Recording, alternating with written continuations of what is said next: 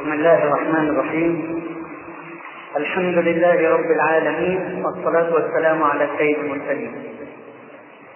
أبنائي بناتي إخواني إخوة أخواتي السلام عليكم ورحمة الله وبركاته.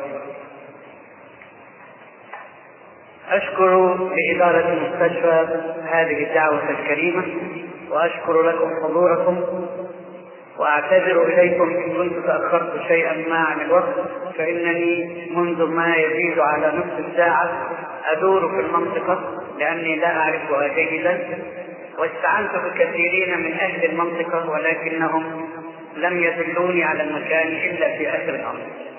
فاسف إذا كنت تأخرت.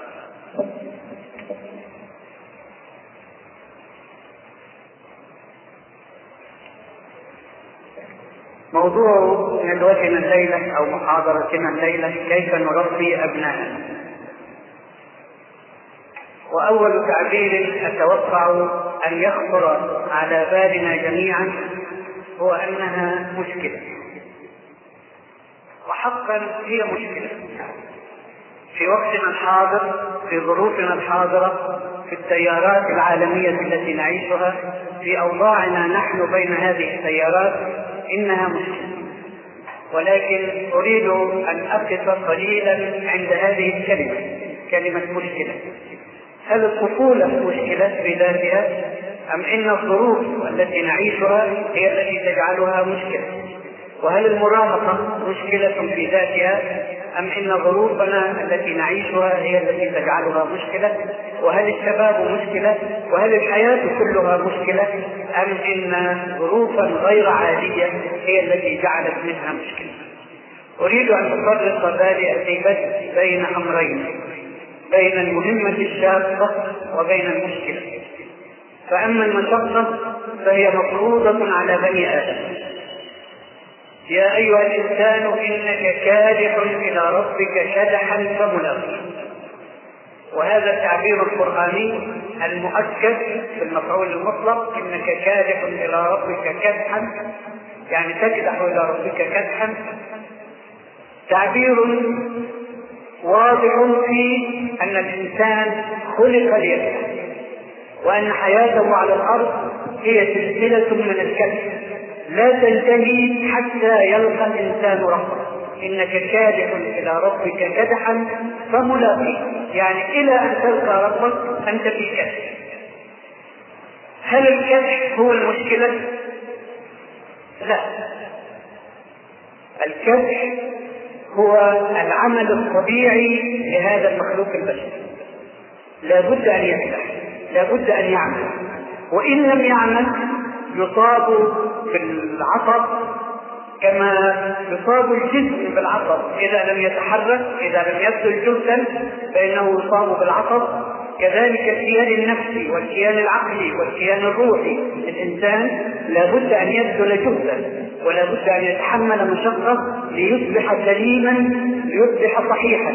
فإذا كف عن معاناة المشقة فإنه يعصب كما يعصب الجسم إذا كف عن بذل المشقة.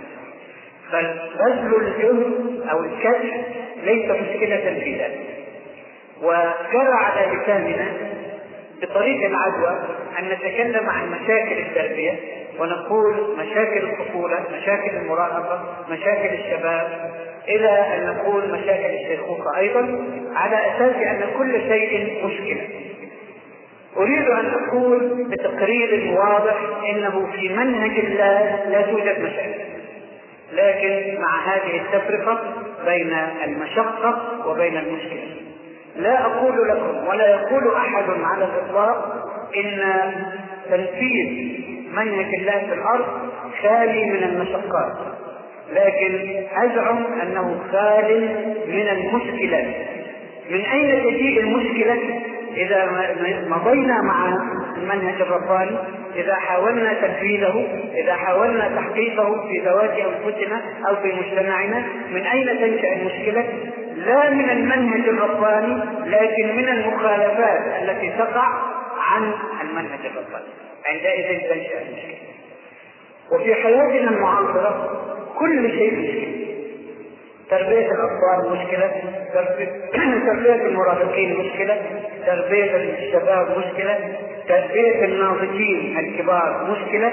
لا تنبع هذه المشكلة من الإسلام ولا من المنهج الرباني لكن من المخالفات التي نقع فيها بعيدا عن منهج هذه هي النقطة التي أريد أن أبدأ منها وأستمر معها في المنهج الرباني الخالي من المشاكل وإن لم يكن خاليا من الكدح ومن المشقة يولد الطفل في جو إسلامي فيتشرب الإسلام وهو صغير وينشأ مسلما مؤمنا ملتزما بآداب الإسلام وأخلاقه بلا مشاكل وإن بذل جهدا ليتقيه الجهد يساوي المشقة يساوي الكبش وهو شيء لا يخرج عن دائرة احتمال الإنسان لأن الله سبحانه وتعالى لا يكلف نفسا إلا وسعها.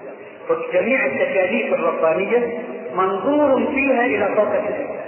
والله الرحيم اللطيف الخبير حين أنزل تكاليفه على الصغار وعلى الكبار يعلم سبحانه أن هذه التكاليف هي في دائرة إمكانه لأنه سبحانه لا يكلف نفسا إلا وسعها. فكل تكليف رباني نتأكد أنه تكليف يعني من الكتاب والسنة. نتأكد في ذات اللحظة أنه في صوت الإنسان أن يؤديه بلا مشكلة. يبذل جهدا نعم هو لابد أن يبذل الجهد. الكيان البشري كما أوضحت في مقدمة كلامي مصنوع هذه الصناعة. لابد أن يبذل جهدا ليظل حيا ليظل محتفظا بحيويته ليظل محتفظا بنشاطه. فإذا كف عن بذل الجهد تجنبا للمشقة فإنه لا يستريح ولا يفلح بل يعصب ويمرض مثل الجسم الذي يكف عن الحركة. طلبا للراحة فيصاب بالمرض ويصاب بالترهل ويصاب بالكسل في عضلاته وفي جريان دمه فتكون النتيجة سيئة. فأكرر لأن هذا المعنى أريد أن يكون واضحا في أذهاننا جميعا أن بذل الجهد ليس مشكلة وليس شيئا يشكى منه. إنما الذي يشكى منه هو المشكلة. ما الفرق بين المشقة والمشكلة؟ المشكلة بذل جهد زائد عن الحد. في ظروف صعبة مع الحصول على نتيجة أقل مما كان يرجى لكن بذل الجهد أو المشقة هي نشاط عادي إفراز عادي للكائن البشري وأسباب متيسرة أدوات متيسرة ونتيجته ثمرته بإذن الله قريبا اذا لا مشكله على الجانب الآخر المشكلة هي بذل جهد زائد عن الحد في ظروف صعبة أصعب من المعتاد وثمرتها ضئيله في حياتنا الحاضرة التي بعدنا فيها كثيرا جدا عن المنهج الرباني فهما وممارسة والذي لدانا فيه الغزو الفكري من أقاصي الأرض. ودخل أفكارنا ومشاعرنا وقلوبنا وصرنا نقرأه ونكتبه ونتكلمه دون أن نحس أنه غزو فكري ودون أن نحس أنه سموم وضعها أعداؤنا في أفئدتنا وعلى ألسنتنا وفي أفكارنا. هذه هي التي تنشئ المشاكل في مجتمعنا قلت إن الطفل في المجتمع الملتزم يولد فينشأ طبيعيا ملتزما باخلاقيات الاسلام ملتزما بقيمه ومبادئه. من أين يكتسب هذه الأخلاقيات وهذه القيم وهذه المبادئ؟ يكتسبها من الأسرة من الوالدين. ومن هنا يهتم الإسلام اهتماما عظيما جدا بالأسرة. من نواحي كثيرة جدا. من ناحية أنها نعمة ربانية يمن الله بها على عباده ومن آياته أن خلق لكم من أنفسكم أزواجا لتسكنوا إليه. فالسكينة أول نعمة نعمة السكينة. السكينة والسكن والسكون كلها مشتقات من الفعل الوارد في الآية لتسكنوا إليه. ومن آياته أن خلق لكم من أنفسكم أزواجا لتسكنوا إليها وجعل بينكم مودة ورحمة. هذه الراحة النفسية التي يجدها الرجل والمرأة كلاهما في جو الأسرة هي نعمة ربانية لا وليس وليست لهما وحدهما لكن لما ياتي من الاولاد فيما بعد حين ينشؤون في هذا الجو المتحاب المتعاطف المتراحم يتعلمون الرحمة ويتعلمون العطف ويتعلمون الحب وتنشأ نفوسهم سوية من أول لحظة. هنا لازم يعني نخرج شوية ونرجع باستمرار نخرج عن الخط ونرجع إليه مرة ثانية. أولاد هذا المجتمع ولا أقصد هذا المجتمع في هذه البقعه إنما أقصد المجتمع البشري الذي يعيش في هذه الأيام.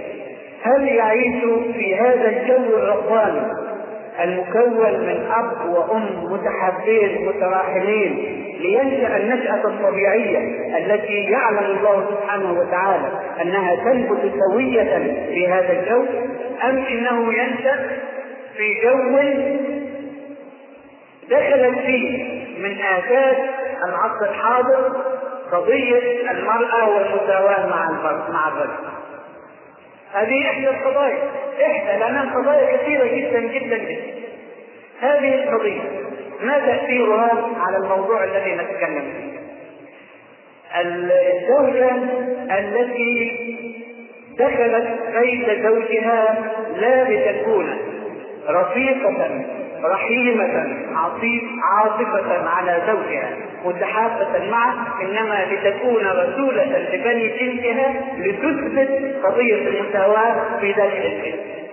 هل يصبح هذا البيت مستمتعا بالنعمة الربانية نعمة السكن والسكينة والسكون والتوازن والرحمة التي تعبر عنها الآية الكريمة ومن آياته أن خلق لكم من أنفسكم أزواجا لتسكنوا إليها وجعل بينكم مودة ورحمة.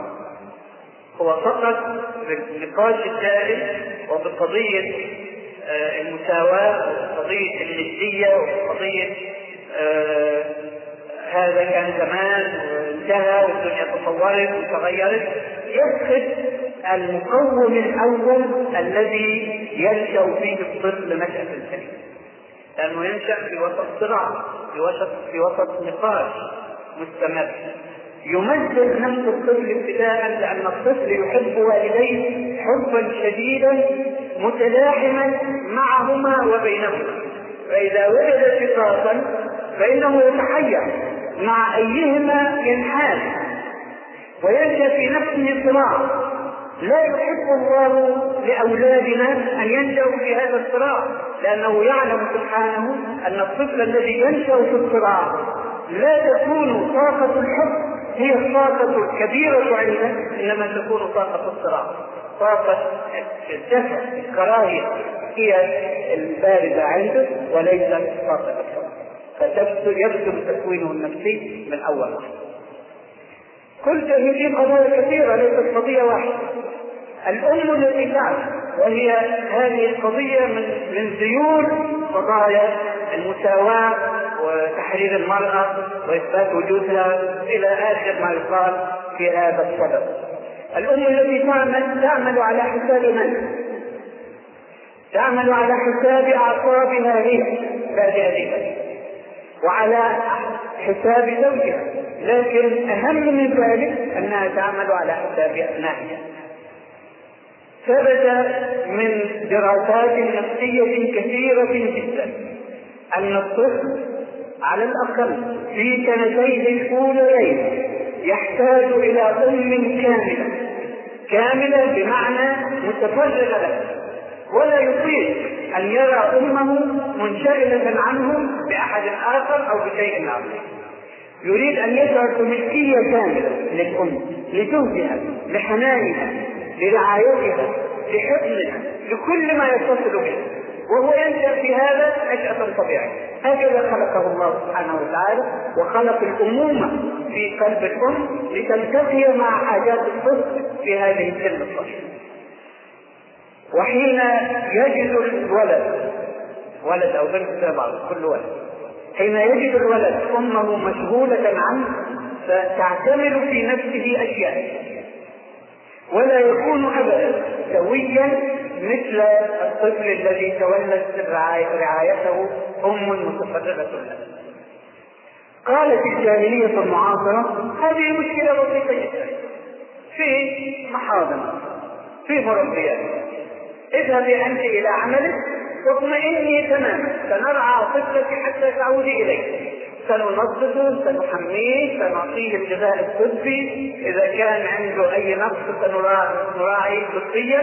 اطمئني تماما. هو في رعايتنا أكثر مما هو في رعايتنا. لأننا نحن أطباء أو متعلمون علوما طبية. نحن درسنا رعاية الطب. نحن نتصرف على طريقة علمية منضبطه أما انت في المنزل تتصرفين في عواطفك فقد تضرين طفلك لكن نحن نلتزم القواعد وتقول التجربة إنها تجربة ساكنة وإن تشتت بها كل الأرض استمعوا إلى صوت مخلص في وسط هذه الشاشة مؤلفة اسمها أن فرويد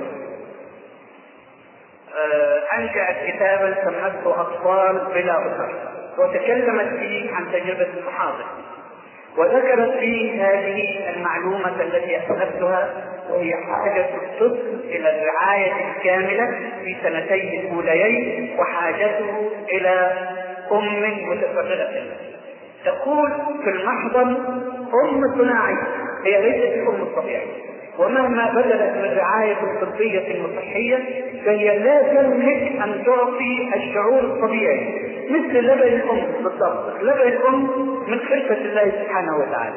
أما اللبن الصناعي مهما قلدنا لبن الأم لا يصبح مثله تماما.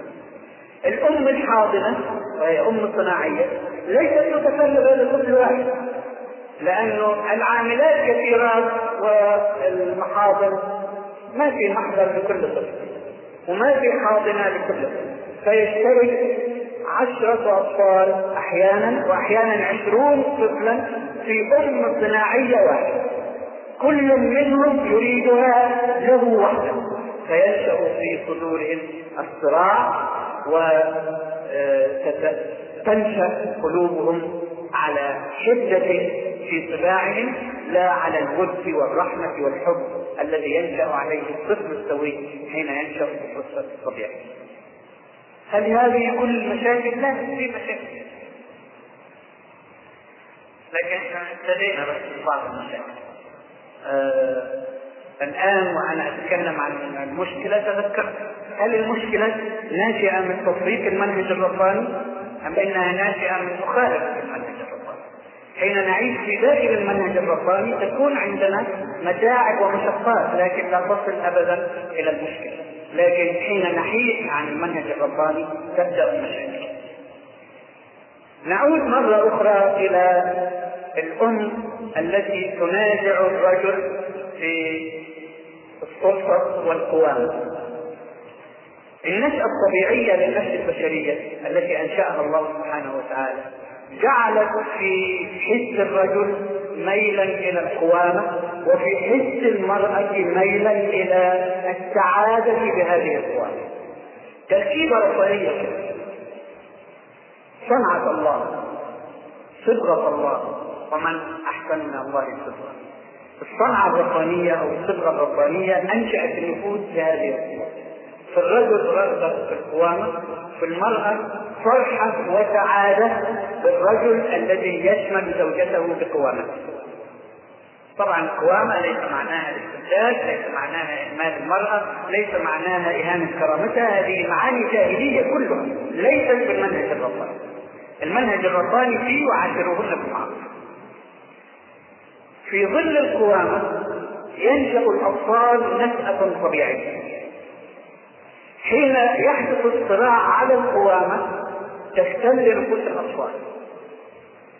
ومن مدة يبحث علماء التربية وعلماء النفس وعلماء الجريمة وعلماء الاجتماع وعلماء القانون حط جنبهم كمان شوية علماء ثانيين في مشكلة جنوح الأحداث.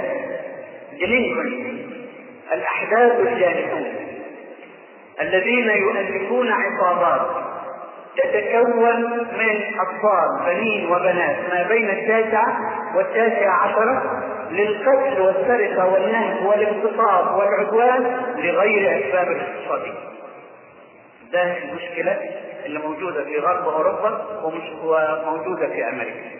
وتبحث هذه المؤتمرات المكونة من العلماء في منشأ المشكلة وطرق علاجها. بغض النظر عن البحث الذي سأقوله الآن وتقول التقارير دائما كل التقارير التي تعالج المشاكل الموجودة في غرب أوروبا وأمريكا تقول في النهاية والمشكلة آخذة في الازدياد والنسبة آخذة في الازدياد. المدمن إدمان الخمر والإدمان آخذ في الازدياد إدمان المخدرات والنسبة آخذة في الازدياد الجنون الانتحار القلق الأمراض العصبية الأمراض النفسية الجريمة والنسبة آخذة في الازدياد ظلت هذه المؤتمرات تدور وتدور وتدور وتبحث عن سبب أو أسباب هذه المشكلة إذ أنها ليست نابعة من أسباب اقتصاديه. وأخيرا جدا وفي مرة واحدة في قراءاتي أنا. أنا لا أزعم أني أقرأ كل شيء ولا وقتي يتسع ولا جهدي. لكن في قراءاتي وجدت مرة واحدة مؤتمرا من هذه المؤتمرات اهتدى إلى السر وكأنما يهمس به أنفا لأنه لم يسمع به أحد ولم يستجب له أحد. قال إن السبب الرئيسي في هذه المشكلة هو غياب سيطرة الأب هذا بحث علمي. ليس كلاما عاطفيا نقوله وليس مشاعر دينية نفرضها على الواقع فرضا إنما هذه بحوث أنفق الناس فيها جهدا علميا وأنفقوا زمنا في البحث واهتدوا إلى أن غياب سلطة الأرض من الأسرة سبب رئيسي من أسباب جنوح الأحداث. هذه هي التركيبة الربانية ما نسأله سبحانه وتعالى لماذا خلقت الناس على هذه الصورة؟ لكن نقول إنه حين خلق الناس على هذه الصورة ميلا من الأصل للسلطة ورضاء من الزوجة أو الأم بقوامة الرجل أرضى كل منهما بطبعه يعني خلق فيه هذه الصف وأرضى الطرف الآخر بهذا اللقاء السعيد الذي يحدث بين والرجل حين تختل الموازين في الجاهلية المعاصرة وتنازع المرأة الرجل السلطة والقوامة ماذا ينشأ عند الأولاد؟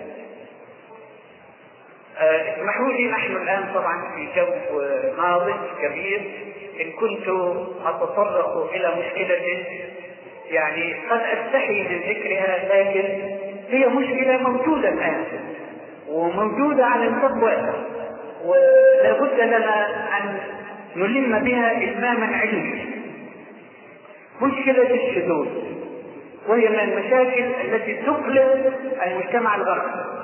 تقلق نظيف الأخلاق فيه تقلق تقلق أصحاب الطماع لكن غيرهم ينغمس فيها ولا يتحرج ولا يتأثر النظيفون الذين لهم ضمائر يقلقون من انتشار هذه هذه الأمراض في المجتمعات الغربيه ويقول البحث العلمي هذه العجيبة في التركيب الذي ركبه الله سبحانه وتعالى وكيف احتل حين تنازعت المرأة والرجل على السلطة في ذلك يقولون إن الطفل الذكر الولد يولد بذكورة نفسية مولود به ثم يولد بميل طبيعي إلى تقليد صاحب السلطة في الأسرة اللي هو في الأحوال الطبيعية الأب. فتتطابق الذكورة التي ولد بها مع الذكورة المكتسبة من تقليد صاحب السلطة في الأسرة فتتقوى ذكورته ويصبح رجلا طبيعيا. أما البنت فهي تولد بميل للتقبل وميل لتقليد الجانب المتقبل في الأسرة اللي هو الأم. فتنطبق الأنوثة الخلقية مع الأنوثة المكتسبة من تقليد الأم هذا في الوضع الطبيعي. فينشأ كل من الجنسين سليما الرجل تامة الرجولة أو الذكورة والفتاة تامة الأنوثة حين يحدث ذلك النزاع وذلك الصراع ماذا يحدث؟ الطفل الذكر يولد بذكورة فطرية ثم يقلد العنصر المسيطر في البشر اللي هو مين؟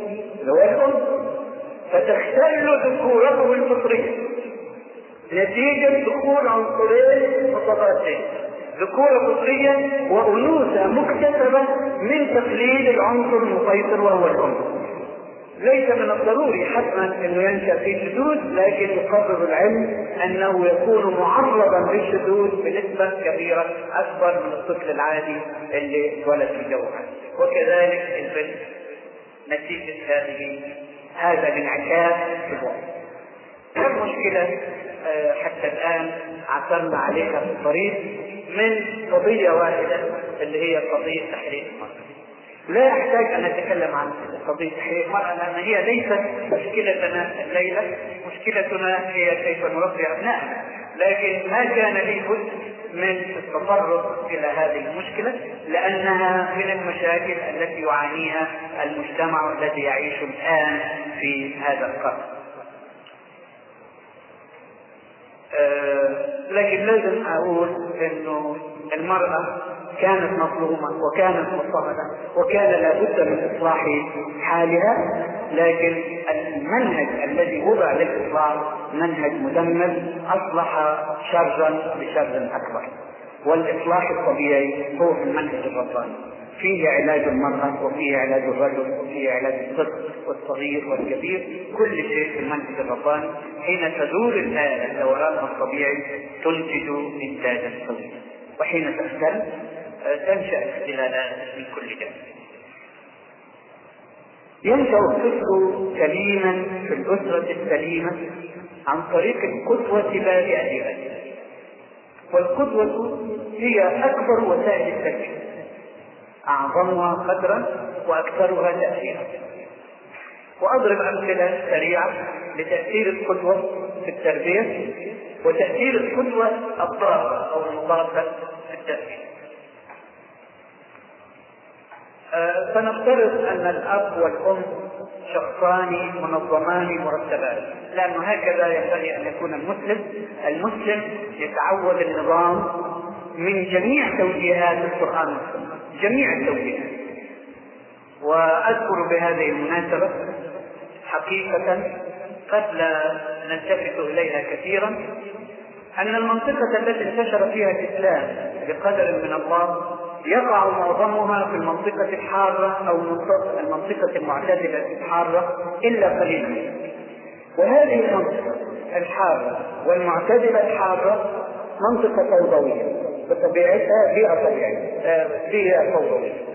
فوضوية إلى حد كراهية النظام والسبب قد يكون إنه الحياة فيها سهلة. يعني ما في أحد بيموت من البرد ما في أحد بيموت من الحر ما في أحد بيموت من الجوع إلا نادرا. فيتعود الناس عدم الانضباط وعدم النظام لأنه ما ما ضرورة النظام. يعني كل شيء ممكن إنه هو يعمل آه، بسهولة. الله زي ما بيقولوا عفوا ارتجالا بدون نظام بدون ضوابط بدون تخطيط وتمشي. فيتعود الناس بحكم البيئة الفوضى إلى درجة أنهم يكرهون النظام ويحسون أن النظام فرض غير مقبول على أعصابهم لأنهم غير مقتنعين به من ذلك. هذه البيئة الفوضوية بطبيعتها العفوية بطبيعتها الكارهة للتخطيط والنظام والانضباط تسلمها الإسلام فأخرج منها خير أمة أخرجت ضوابط الإسلام. وتوجيهاته هي التي علمت الأمة الإسلامية كيف تنضبط في كل أمر من الأمور. وكل ما قرأت في كتب السيرة أن رسول الله صلى الله عليه وسلم يقول الصحابة رضوان الله عليهم كان يصفنا للصلاة كما يصفنا للقتال. انظر إلى الدقة دقة رسول الله عليه الصلاة والسلام وهو يصف صف الصلاة كما يصف المقاتلين للقتال ولا يبدأ الصلاة أبدا صلى الله عليه وسلم حتى يعتدل الصف وحتى يكون كتف كل مسلم إلى جانب كتف أخيه وقدمه إلى جانب قدمه. وعندئذ لم يكن تربية كان يربيهم على الانضباط على النظام. وانشا بتوجيهات الله وتوجيهاته صلى الله عليه وسلم هذه أمة النظام الصلاة مواقيت منضبطة الصوم مواقيت منضبطة الزكاة لها مواقيت منضبطة الحج مواقيت منضبطة كل الشعائر التعبدية تربي على النظام. ما لا يسألني سائل لأني يعني أنا عارف السؤال. أدينا بنصلي ونصوم ومع ذلك ما عندناش نظام. لأننا غير ملتزمين بالعبادات على النحو الذي علمنا إياه رسول الله صلى الله عليه وسلم. بنأديها أي أداء فلا تؤدي مضمونها كاملا لأن من مضمونها تعليم النظام وتعليم الانضباط وتعليم الدقة في الوقت وكل شيء. نفترض أن الأب والأم منضبطان منتظمان كما ينبغي للمسلم أن يكون. والطفل يراهما يرتبان أشياء المنزل وينظفانها وينظمانها. فينشأ طبيعيا ميالا إلى النظام أعصابه متعودة على وضع كل شيء في مكانه. هل هناك ضمان 100%؟ لا. لأن الطفل قد يرث وراثات بعيدة من غير الأب والأم. وراثات فوضوية من مكان آخر. لكن الأرجح أنه حين ينشأ في بيئة منظمة يتعلم النظام. خلينا نشوف النموذج المضاد. لما يشوف أبوه يرمي الثوب هنا ويرمي الغصة هنا ويرمي الكتاب هنا ويرمي وأمه كذلك في المطبخ يعني تدخل المطبخ فنتيجة دخولها نصف ساعة ألا يكون شيء في مكانه على الإطلاق. هل نتوقع أن مثل هذا الطفل ينشأ محبا للنظام؟ لا، الأرجح أنه يطلع فوضوي. إلا في حالات نادرة جدا جدا أن يكون هذه الوراثة من أصل بعيد فيها حب النظام. فهي حالات نادرة جدا أن الطفل ينشأ في أسرة فوضوية ويكون هو ذاته محبا. لكن الراجح إنه يتعود على النظام الذي يجده من أبويه سواء كان نظاما حقيقيا أو فوضى شامله.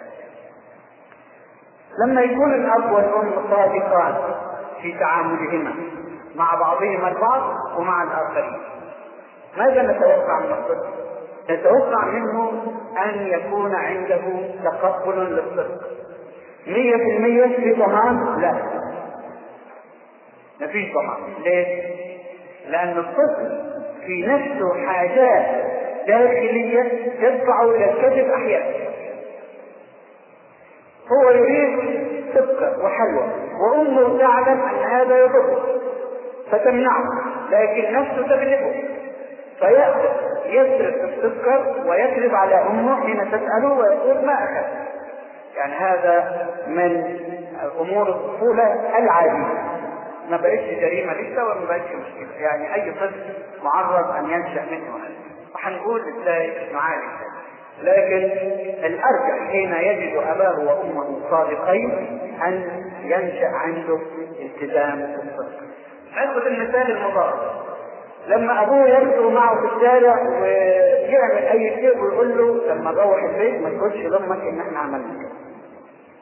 أو الام في غياب الأب تصنع مخالفة وتقول للولد اوعى لما يجي أبوك تقول كيف نتوقع أن يكون من أخلاق هذا الطفل؟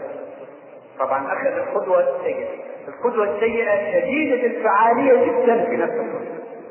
لكن القدوة الحسنة مع قوتها تحتاج إلى شيء آخر سنتكلم عنه. حضرب مثال ثالث من القدوة قبل أن أنتقل إلى الوسيلة الثانية من وسائل التربية. تصوروا معي فترة حديث السائل عن السيارات وأي السيارات أفضل السيارة السعودية أوجد وأسرع لكن هذه أكثر راحة لكن هذه أسرع خللا لكن هذه كذا والحديث الدائم في أنواع السيارات وماركات السيارات والموضات الجديدة في السيارات. وأسرة أخرى تتحدث مش دائما كثيرا عن المجاهدين الأفغان وعن الفلسطينيين وعن أوجاع المسلمين في الأرض.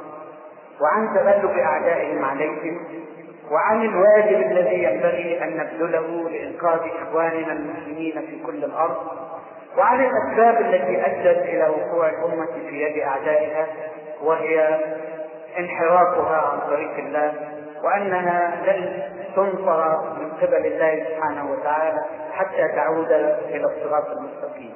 هذه أسرة وهذه أسرة وهذه فيها أطفال وهذه فيها أطفال كيف تتوقعون من اهتمامات أطفال كل ما الأسرتين؟ هل تتوقعون من أسرة السيارات والتلفزيونات والفيديوهات والموضات إلى آخر هذه الآهات هل تتوقعون منهم أن يكونوا شاهدين في اهتماماتهم أن ينظروا إلى غير زواجهم وغير ملذاتهم وغير مصالحهم القريبة لكن نتوقع من الأسرة الأخرى أن يكون أطفالها ذوي اهتمامات شاذة ذوي اهتمامات بعيدة الأفق تخرج عن محيط ذواتهم وعن محيط الأسرة القريب إلى قضايا كبيرة. إذا القدوة يعني ما احتاج إن أنا أشرح القدوة لأنها واضحة جدا ومع ذلك مع وضوحها فنحن نلغي الاهتمام بها أو نكاد نلغي الاهتمام بها. في مناهجنا التربويه. القدوة هي اللبنة الأولى في عملية البناء التربوي وبغيرها يصبح كل جهد عرضة للانقياد في حين أنه مع وجود القدوة الطيبة يصبح الجهد أيسر والنتيجة بإذن الله أكثر ثمرا. نقول إن القدوة وحدها وإن كانت طيبة قد لا تكفي. لماذا؟ لأن الطفل في نفسه عوامل تعتمد في داخل نفسه جوازه أبوه وأمه يضبطان هذه الدوافع لكن ليس من مرة واحدة ولا من عشر مرات ولا من مئة مرة حين يقولان له عن شيء فيلتزم لأن كل مرة كما أقول عجينة النفس البشرية عجينة عصية. إذا وضعتها في القالب فإنها لا تبقى في القالب إلا عندما تتحرك وتتمرد على القالب وتخرج من هنا ومن هنا. فنحتاج دائما إلى إعادة ضبطها في القالب أو ضبطها في القالب مرة أخرى حتى تتعود. العادة تربية التعويض مسألة مهمة. ويجب لهذا الأمر أن تكون صدورنا آه، فتيحة وأن تكون أعصابنا هادئة. طبعا هذه نصائح مثل نصائح الطبيب التي لا يستطيع المريض أن ينفذها نقول كن هذه الأعصاب كن آه، وجه الصدر كل إنسان عرضه أنه يغضب. والغضب شيء طبيعي. ولما الطفل الإنسان يقول له شيء مرة ومرة ومرة ثم يعصى لا يملك الإنسان نفسه أن يغضب. الغضب غير صالح على الإطلاق. بل وتطبيق العقوبة على الطفل أحيانا غير صالح يعني نتطرق الآن إلى العقوبه وأقوال يعرف علم النفس الغرب فيها لكن لا ننسى أقول إنه لابد من تكرار التنبيه لابد من استعمال اداه الموعظة. إحنا تكلمنا عن القدوة والآن نتكلم عن الموعظة. الموعظة أداة من أدوات التربية. ومعروفة جدا الموعظه الموعظة أداة من أدوات التربية. الذي أريد أن أقوله ليس أن الموعظة من أدوات التربية فهذه بديهية معروفة. الذي أريد أن أقوله أن الموعظة وحدها لا تركب. لا تكفي ابدا. إذا لم تكن مستندة إلى القدوة. يعني القدوة رقم واحد الموعظة رقم اثنين. وفي تربية الأمة المسلمة كان الرسول عليه الصلاة والسلام هو القدوة والأسوة قبل الموعظة وهو حين يعظ صلى الله عليه وسلم. وهو موجود قدوة للمسلمين يكون الوعظ مؤثرا لأنه كما يقولون الآن في مناهج التربية الحديثة لابد من وسائل إيضاح الدرس الذي تصحبه وسائل الإيضاح يكون أبلغ أثرا وأعمق رسوخا في النفس من الدرس النظري اللي هو كلام فقط. فرسول الله عليه الصلاة والسلام كان هو القدوة، كان هو وسيلة الإيضاح، كان كما قالت عائشة رضي الله عنها حين سئلت عن خلق رسول الله صلى الله عليه وسلم قالت كان خلقه القرآن. كان ترجمة واقعية لكل معاني القرآن. فحين يقول الناس اعبدوا الله ما لكم من إله غيره. هذه كلمة نظرية. كيف يفهمونها؟ كيف يدركون الكيفية التي ينفذون بها هذا الأمر الرباني. من سورة الرسول عليه الصلاة لأنه يعبد الله العبادة المثلى. فيقول لهم اعبدوا الله ما لكم من إله غيره ويرون في تصرفاته في سلوكه في فكره في مشاعره في كلماته كيف تكون العبادة الكاملة لله فيسمعون الكلمة ويرون وسيلة الإقامة التربية في ذات المنزل الصغار على نفس المنزل ننصحهم نعظهم لكن إذا لم تكن هناك قدوة تمثل الأمر الذي نأمرهم به سوف يضيع هذا الأمر ولا نثمر في تربية الأطفال. إذا نحتاج إلى الموعظة. الموعظة بحجم معين. كان رسول الله صلى الله عليه وسلم أحب الخلق إلى صحابته رسول الله صلى الله عليه وسلم. وهذه شهادة رجل لم يكن قد أسلم بعد وهو أبو سفيان. سأله هرقل قبل أن يسلم أبو سفيان سأله عن أحوال رسول الله صلى الله عليه وسلم فقال ما رأيت أحدا يحبه الناس كحب أصحاب محمد محمد عليه الصلاة والسلام. وهو على هذا النحو من حب صحابته له ومن تعلقهم بكل كلمة يلفظها لأنهم يدركون أنها هي طريقهم إلى الجنة.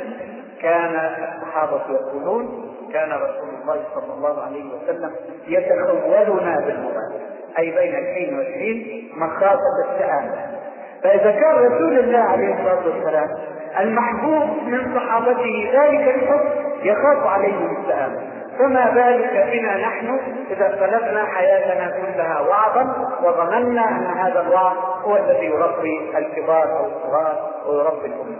الوعظ مطلوب نعم لكن بالمقدار الذي يناسب النفس ألستم ترون أن هناك أنواعا من الدواء يكتب عليها لا تتجاوز المقدار.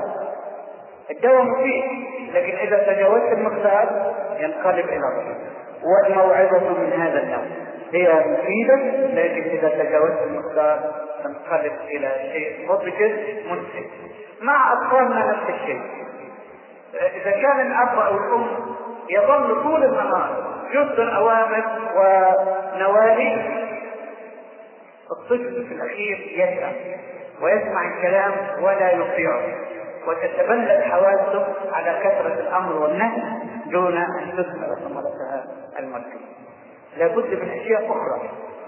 القدوة كما قلنا أولا. الحب. لابد أن يشعر الطفل أنك تحبه. وأنك حين تقدم له النصيحة. تقدمها له لأنك تحبه. ولأنك تحب له أن ينشأ نشأة سليمة وتحب أن تباري به. الآخرين. لأنه ولد مؤدب لأنه ولد مطيع لأنه ولد منظم لأنه ولد شاطر لأنه ولد والأطفال بالذات يحبون المديح هل نستثني أحدا من حب المديح؟ لا. ما في أحد يستثنى من حب. كلنا نحب أن نمتدح المديح وسيلة من وسائل التدبير لكن برضه لا تتجاوز المقدار إذا أسرفت في مدحه يجيء يوم يمتنع عن العمل حتى تمتدحه اولا يعني يطلب الثمن اولا امدحني عشان أطيع. عندئذ نكون قد تجاوزنا المقدار وتحول الدواء إلى مرض أو إلى ذلك كذلك المثوبة وهي من وسائل التربية التشجيع والثواب الحسي والمعنوي هو من أفعل وسائل التربية مع القدوة مع الحب مع الموعظة آه يفيد كيف يفيد؟ لابد أن تشجع لابد أن تعده بأنه إذا فعل كذا وكذا وكذا ستمنحه ستمنحه ماذا؟ ليس من الضروري ابدا أن تمنحه شيئا حسيا لكن في سنوات الطفل الأولى وهو يعيش على المستوى الحسي لابد أن تعطيه شيئا. لابد أن تعطيه لعبه لابد أن تعطيه شيئا من الحلوى لابد أن تعطيه نزهة الخارج شيء حسي هو حسي ومعنوي في ذات الوقت. الشيء المعنوي فيه هو التشجيع. الشيء الحسي هو اللي أنت تعطيه إياه سياسي مع الحذر من أن ينقلب هذا شرطا للطاعة. يعني لما يجي الولد أو البنت. يقول اديني تأمره أمر تقول لك اديني كذا لا. هنا يجب السكت عن اعطائه لأنه أصبح عمل مقدور. فالعمل المقدور لا يرد إنما العمل الذي يقوم به الطفل أو الإنسان شعورا بالواجب واداء للواجب هذه هي التربية. القيام بالعمل أداء لواجب واحساسا بأن هذا الواجب ينبغي أن يؤدى بنشجع الطفل بوسائل حسيه ووسائل معنوية خصوصا في السنوات الأولى لأنه يحتاج إلى هذا التشجيع وإذا لم يلقى التشجيع سيبطئ نمو النفس. فنحن محتاجون وملتزمون بأن نشجع. لكن إذا وجدت في أي مرحلة من المراحل أن التشجيع صار شرطا للإجابة فيجب أن نكف ويجب أن نغير طريقة التفكير. في المقابل الآخر العقوبة لما يتكلم عن المثوبة لابد أن ينتقل ذهننا إلى العقوبة. والعقوبة فيها كلام.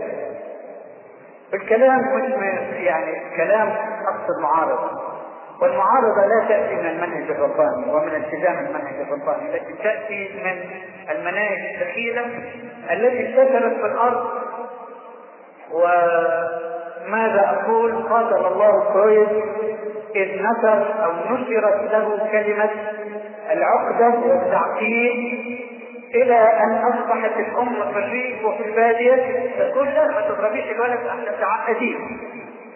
وهي لا تدري شيئا عن العقد وعن الاضطرابات النفسية وعن لكن أدخل هذا الغزو الفكري إلى صميم البادية وإلى صميم الريف وأصبح كلمة ثلاث من السنة ما تعقديش الولد من أين جاءت هذه الفكرة؟ كلها مردها إلى هذا الشرير الذي قال ما معناه إن لم يكن بلفظه إن كل حاجز يوضع أمام الرغبات إحنا بنسميها الفطرية هو بيسميها الشهوانية فإنه يؤدي إلى الكذب طب ما نعمل إيه؟ نطلق الأولاد والبنات والكبار والصغار بلا حواجز بلا ضوابط لكي يستريح اليهود في الأرض لأنهم بهذا يفسدون الامميين وهدفهم الأول والأخير هو افساد حياه الامميين. كلمة الأمميين يعني إحنا.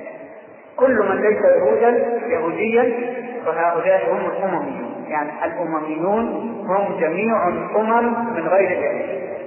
ومهمة اليهود التي يصنعونها الآن هي إفساد الأمميين في كل الأرض لكي يسيطر شعب الله أو شعب الشيطان. لما انتشرت افكار فرويد وافكار العقد النفسية والعصبية والكف نشأت نظريات في التربية تقول لا تستخدم العقوبة. لأن العقوبة تؤدي إلى وجود فعل سيئة في نفس الطفل تعرقله تصيبه بالسلبية تصيبه بالعصبية تحدث في نفسه تيارات مضادة نحن نقول أيضا لا تسارع في استعمال العقوبة. لأنه المثوبة هي السلم الأول تشجيع الثواب من كل نوع. هو السلم الأول الذي يبقى عليه الطفل ليبقى لكن حين يصر الطفل على المخالفة وتحاول إقناعه فلا يفعل ماذا أمامك؟ التربية الحديثة كلها إقناع. طيب هو عايز يحط صاع في النار وما ما مش مصدق إن النار مؤذية تيجي الأم تقول له يحيى شيء هو عايز يدخل لأنه عنده رغبة في التجربة. هل نتركه يحرق اصبعه أو يحرق يده لكي يحس لا إحنا ممكن نعمل شيء معين بين نجيب كوب أو فنجان في شيء سائل ويعني كذا نخلي أصبعه يلمسه لم تغير مؤذيه فيبتلع لكن اذا عصر ما السبيل؟ لابد من العقوبه فالعقوبة شيء فرضه الله سبحانه وتعالى في منهجه وتسمعون طبعا عن باب واسع جدا في أحاديث الرسول عليه الصلاة والسلام يسمى الترغيب والترهيب. الترغيب وسيلة والترهيب أيضا وهي وسيلة ربانيه. وما جاء من عند الله لا يكون موضعا للنقاش ولا يقال إنه العالم الفلاني قال أو العالم الثاني قال وهم يقولون من منطلقات جاهليه والله يقول الحق.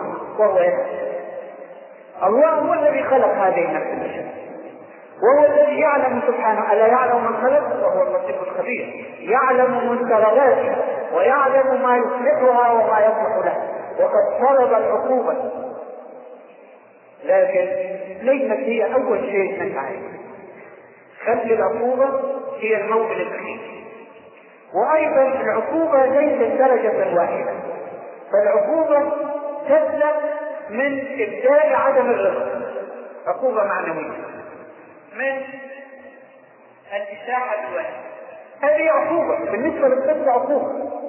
بالنسبة لكثير جدا من الأطفال إذا صنع الأب والأم في مبدأ الأمر هذه الحركة يبكي لأنه لا يتوقع من الأم أو الأب أن تشيح عنه أو تشيح عنه. فإذا أشاحت ولدها عنه يتألم. نحن نريد أن يحس بالألم لكي يعدل منه. ليست مسألة انتقامية. فلما نتنرفز في الآخر بنضرب انتقاما وهذا خطأ. يعني لا يجوز أن يحس الطفل أن الوالد ينتقم منه إنما يربيه يوجهه يعاقبه يعاقبه ليقوم سلوكه. لكن الخطر من إحساس الطفل أنه أزال والديه إلى حد أنه آه، إن الأم أو الأب انتقم منه بالضرب. شعور خطر جدا. هل تعلمون أن هذا يؤدي أحيانا إلى البكاية من جانب الطفل ليلتز بانه أثار الشخص الكبير إلى حد أن افقده التواضع وينضرب ينضرب سبب يعني في أطفال يصلوا إلى هذا الحد يعني لا يهمهم الضرب في سبيل اللذة التي يجدونها في أنهم وهم صغار بهذا الحد استطاعوا أن يثيروا الأم أو الأب ذوي الحجم الكبير. العقوبة درجات كثيرة. كما قلت ابدأ الامتعاض الشاحة بالوجه التصريح بعدم الرضا التهديد بحرمان الطفل من شيء يحبه تهديد. وليس من الضروري ابدا أن ننفذ التهديد أول مرة ولا ثاني مرة ولا عشر مرة. وإن كان يجب بين الحين والحين أن ننفذ التهديد ولو مرة لكي يعلم الطفل أننا جاسوس لأننا إذا ظللنا نهدده. ولا ننفذ التهديد ابدا يستخف بالتهديد.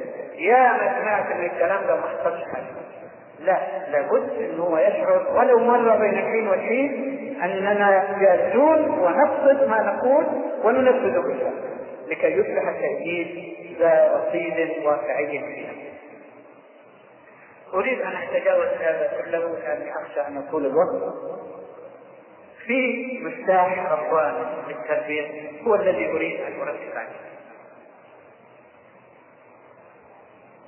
حين يصل الطفل إلى سن معينة عند بعض الأطفال اثنين اثنين ونص. عند بعضهم أربعة يعني دي مرحلة البداية. إلى ستة أحيانا إلى ثمانية. يمطر والديه بالأسئلة التي لا تسأل. أسئلة أحيانا سهلة الإجابة وأحيانا صعبة الإجابة جدا. لا لأنها صعبة في ذاتها لكن لأن مدارك الطفل لا تستطيع أن تستوعب الإجابة الصحيحة.